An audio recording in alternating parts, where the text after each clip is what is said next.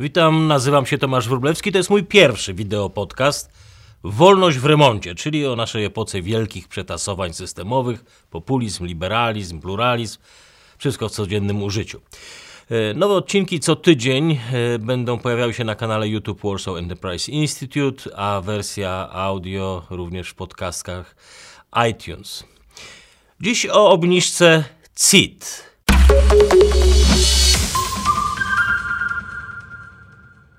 Premier zapowiada najniższy podatek dla firm w Europie i ZUS. ZUS też ma być niższy dla małych, tych najmniejszych. Dla nich wszystkich to Boże Narodzenie wiosną. Rząd kocha małe i średnie firmy. Im bliżej wyborów uczucie będzie się wzmagało. Przypomnę, że 30 kwietnia wchodzi w życie projekt 200 nowych przepisów ułatwiających życie małym i średnim firmom, tak zwanym misiom, małe i średnie. Kluczowe zapisy to, co nie jest zakazane prawem, jest legalne. Y, niejasności w przepisach mają być rozstrzygane na korzyść przedsiębiorców. Rząd nie będzie mógł dokładać nowych obowiązków na przedsiębiorców bez racjonalnego powodu i powołany zostanie Rzecznik Praw Przedsiębiorcy. Za każdym razem, kiedy rząd będzie obniżał podatki, będziemy mówić brawo. Choć w tym wypadku to oczywiście będzie takie brawko Trzeba pamiętać, że większość małych firm nie płaci CIT-u. Większość płaci PIT. Z 3 milionów małych firm w Polsce niespełna pół miliona to są płatnicy CIT. Reszta to tak zwane jednoosobowe działalności. Tak, to ja wiem, to jest dość pokraczna konstrukcja ta jednoosobowa działalność, ale przedsiębiorcy nie chcą zmieniać swojego statusu, nie chcą być spółkami po prostu boją się dodatkowych obowiązków administracyjno-sprawozdawczych, boją się nowej dokumentacji, boją się tego wszystkiego, co idzie za spółką i od niedawna boją się nowych przepisów RODO. Chodzi o cieplutką jeszcze unijną dyrektywę w sprawie ochrony danych osobowych. Unia, wiadomo, siła wyższa, wdrożyć każdy musi. Ale czy faktycznie musi? Okazuje się, że dyrektywa zostawia możliwość zwolnienia z obowiązku implementacji misiów tych małych i średnich firm i początkowo w projekcie tak też było zapisane. Małe firmy nie muszą wdrażać RODO. Mija kilka tygodni, buch, ktoś wpisał w ustawę, że wyłączeniu podlegają tylko mikrofirmy. Także, może zanim premier zaproponowałby spółkom obniżkę podatków, i zachęcał mikrusy, żeby rosły w siłę i zmieniały PIT na CIT, trzeba było pomyśleć o wyrwaniu tych wszystkich kotwic, obstrukcji, barier, które trzymają przedsiębiorców nad ziemi na co dzień i nie dają im się wznieść, rozwinąć, zmniejszyć koszty funkcjonowania biznesu. RODO dla dużych firm to a, jeszcze jedno szkolenie, jakich firmy mają setki. Ale dla tych małych, dla misiów zatrudniających kilka, kilkanaście osób, no to już poważna bariera rozwoju. Tracą premię za bycie małym. Jedyne, czym małe firmy na co dzień, te firemki, mogą konkurować z kolosami, to ich większa elastyczność, niższe ceny, niższe koszty operacji. Wymogi ekologiczne, energetyczne, RODO, raportowanie podatkowe, wszystko to jednak są bariery pozbawiające mały polski biznes możliwości konkurowania. Odbiera im tą przewagę w konkurencji z dużymi. To są bariery wyjścia, które zabijają mały biznes, małe firmy, zanim jeszcze powstały. Zanim stanowić będą realną konkurencję dla międzynarodowych gigantów, Wielkie korpo podciąga drabinę i a wy gdzie? Dalejże mi, wypełniać drugi, badać zawartość sera w serze, pisać podania do strażaka głównego ekologa inspektora Giodo. Nie mamy nawet pojęcia, ile nowych startupów, prawdziwie konkurencyjnych firm nigdy się nie narodziło w Polsce, właśnie przez tą nadopiekuńczość państwa, czy te nadregulacje forsowane również przez wielkie korporacje giną zanim się urodziły. Zaledwie trzy tygodnie temu na komitecie stałym rząd przyjął jeden właśnie z takich projektów unicestwiających sny i marzenia.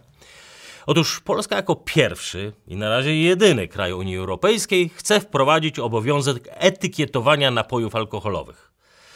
Oczywiście wszystko pod hasłem troski o konsumenta, żeby wiedział ile kalorii wypija i co pływa w jego winie. Nie chcę dyskutować z prawem konsumenta do informacji, bo ono jest oczywiście potrzebne, ale dyskutuję z absurdalnymi i nieproporcjonalnymi obciążeniami małych e, firm. Gdyby nakaz metkowania obowiązywał w całej Unii Europejskiej, wtedy polscy importerzy sprowadzaliby do kraju wina, whisky, co tam jeszcze, w butelkach już z etykietami i już ze zrobionymi odpowiednimi badaniami za granicą. A tak? Obowiązek spadnie właśnie na nich, na polskich importerów czy producentów nawet w Polsce ogromne koszty, ogromne obciążenia biurokratyczne związane z analizą, certyfikacją, zatrudnianiem specjalistów i no, odrębnych od tego zachodnioeuropejskich instytucji. W przypadku wielkich firm, takich hurtowych importerów, koszt badań oczywiście utonie w masie. A mali? Mali utoną w odmętach biurokracji. Nowe regulacje pogrążą rodzinę, rodzime gorzelnie, browary czy raczkujący przemysł winiarski. A wszystko to szybciej niż sądzicie wykorzystają światowe koncerny, najpierw żeby podbić rynek, a potem żeby podnieść oczywiście nam ceny. W swojej nieskończonej trosce o konsumenta rząd poszedł ostatnio jeszcze dalej. Zapowiada wprowadzenie zakazu reklamowania piwa. Nie jak dziś do 23, ale do 20. No i pytanie, czy wyrzucenie piwa z dobrych czasów antenowych faktycznie zmniejszy pijaństwo Polaków.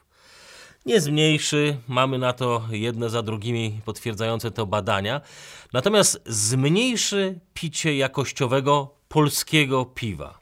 Małych, drobnych browarów, które nie zdobyły sobie dotychczas marki, ale mimo to coraz lepiej się sprzedawały i radziły sobie na naszym rynku. Realnie zaczęły zagrażać światowym potentatom w Polsce.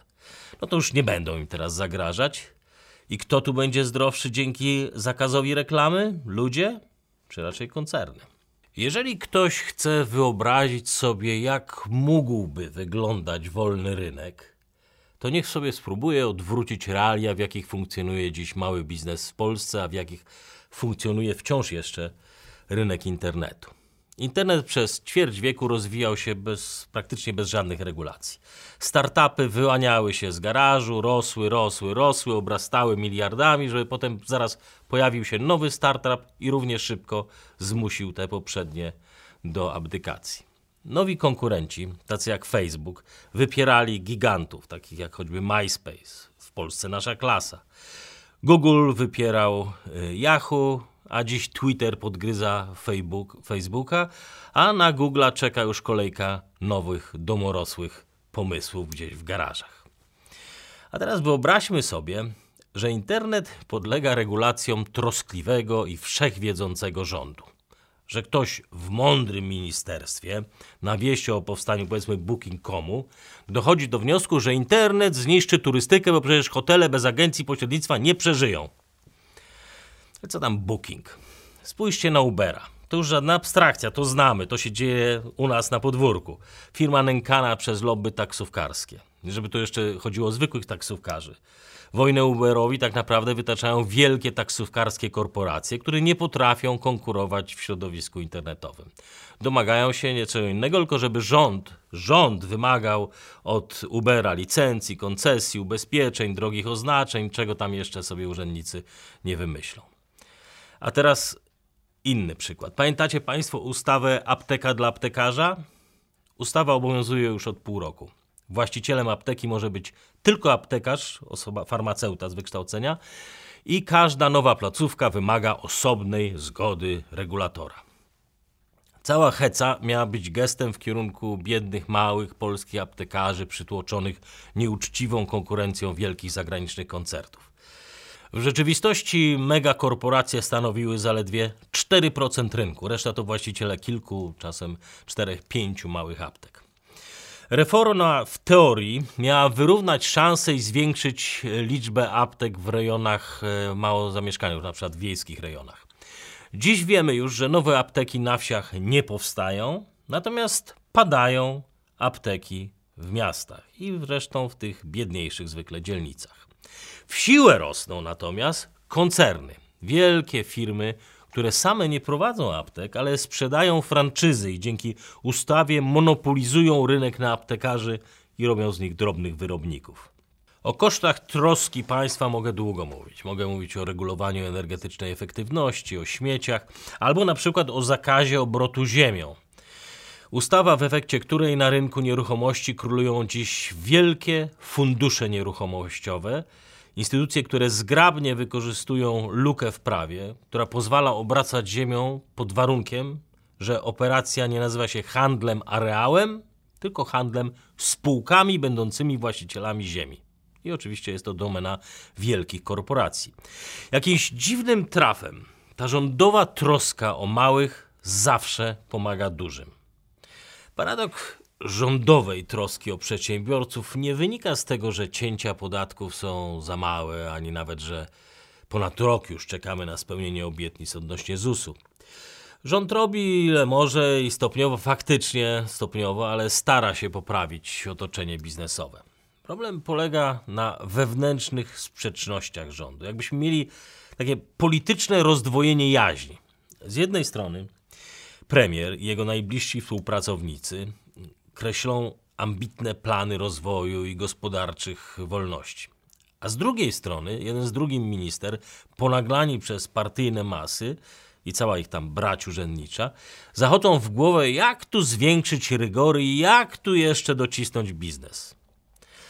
Premier e, może jest bankierem z wyobraźnią rynkową, ale w Sejmie mamy zaledwie 6% posłów z jako takim obyciem biznesowym. Sejm w swojej masie głównie reprezentuje nauczycieli, związkowców, no i oczywiście zawodowych polityków. W przedsiębiorcach większość z nich widzi kastę cwaniaków, dorabiających się ich kosztem, ludzi, którym nie można ufać, trzeba ich cały czas pilnować.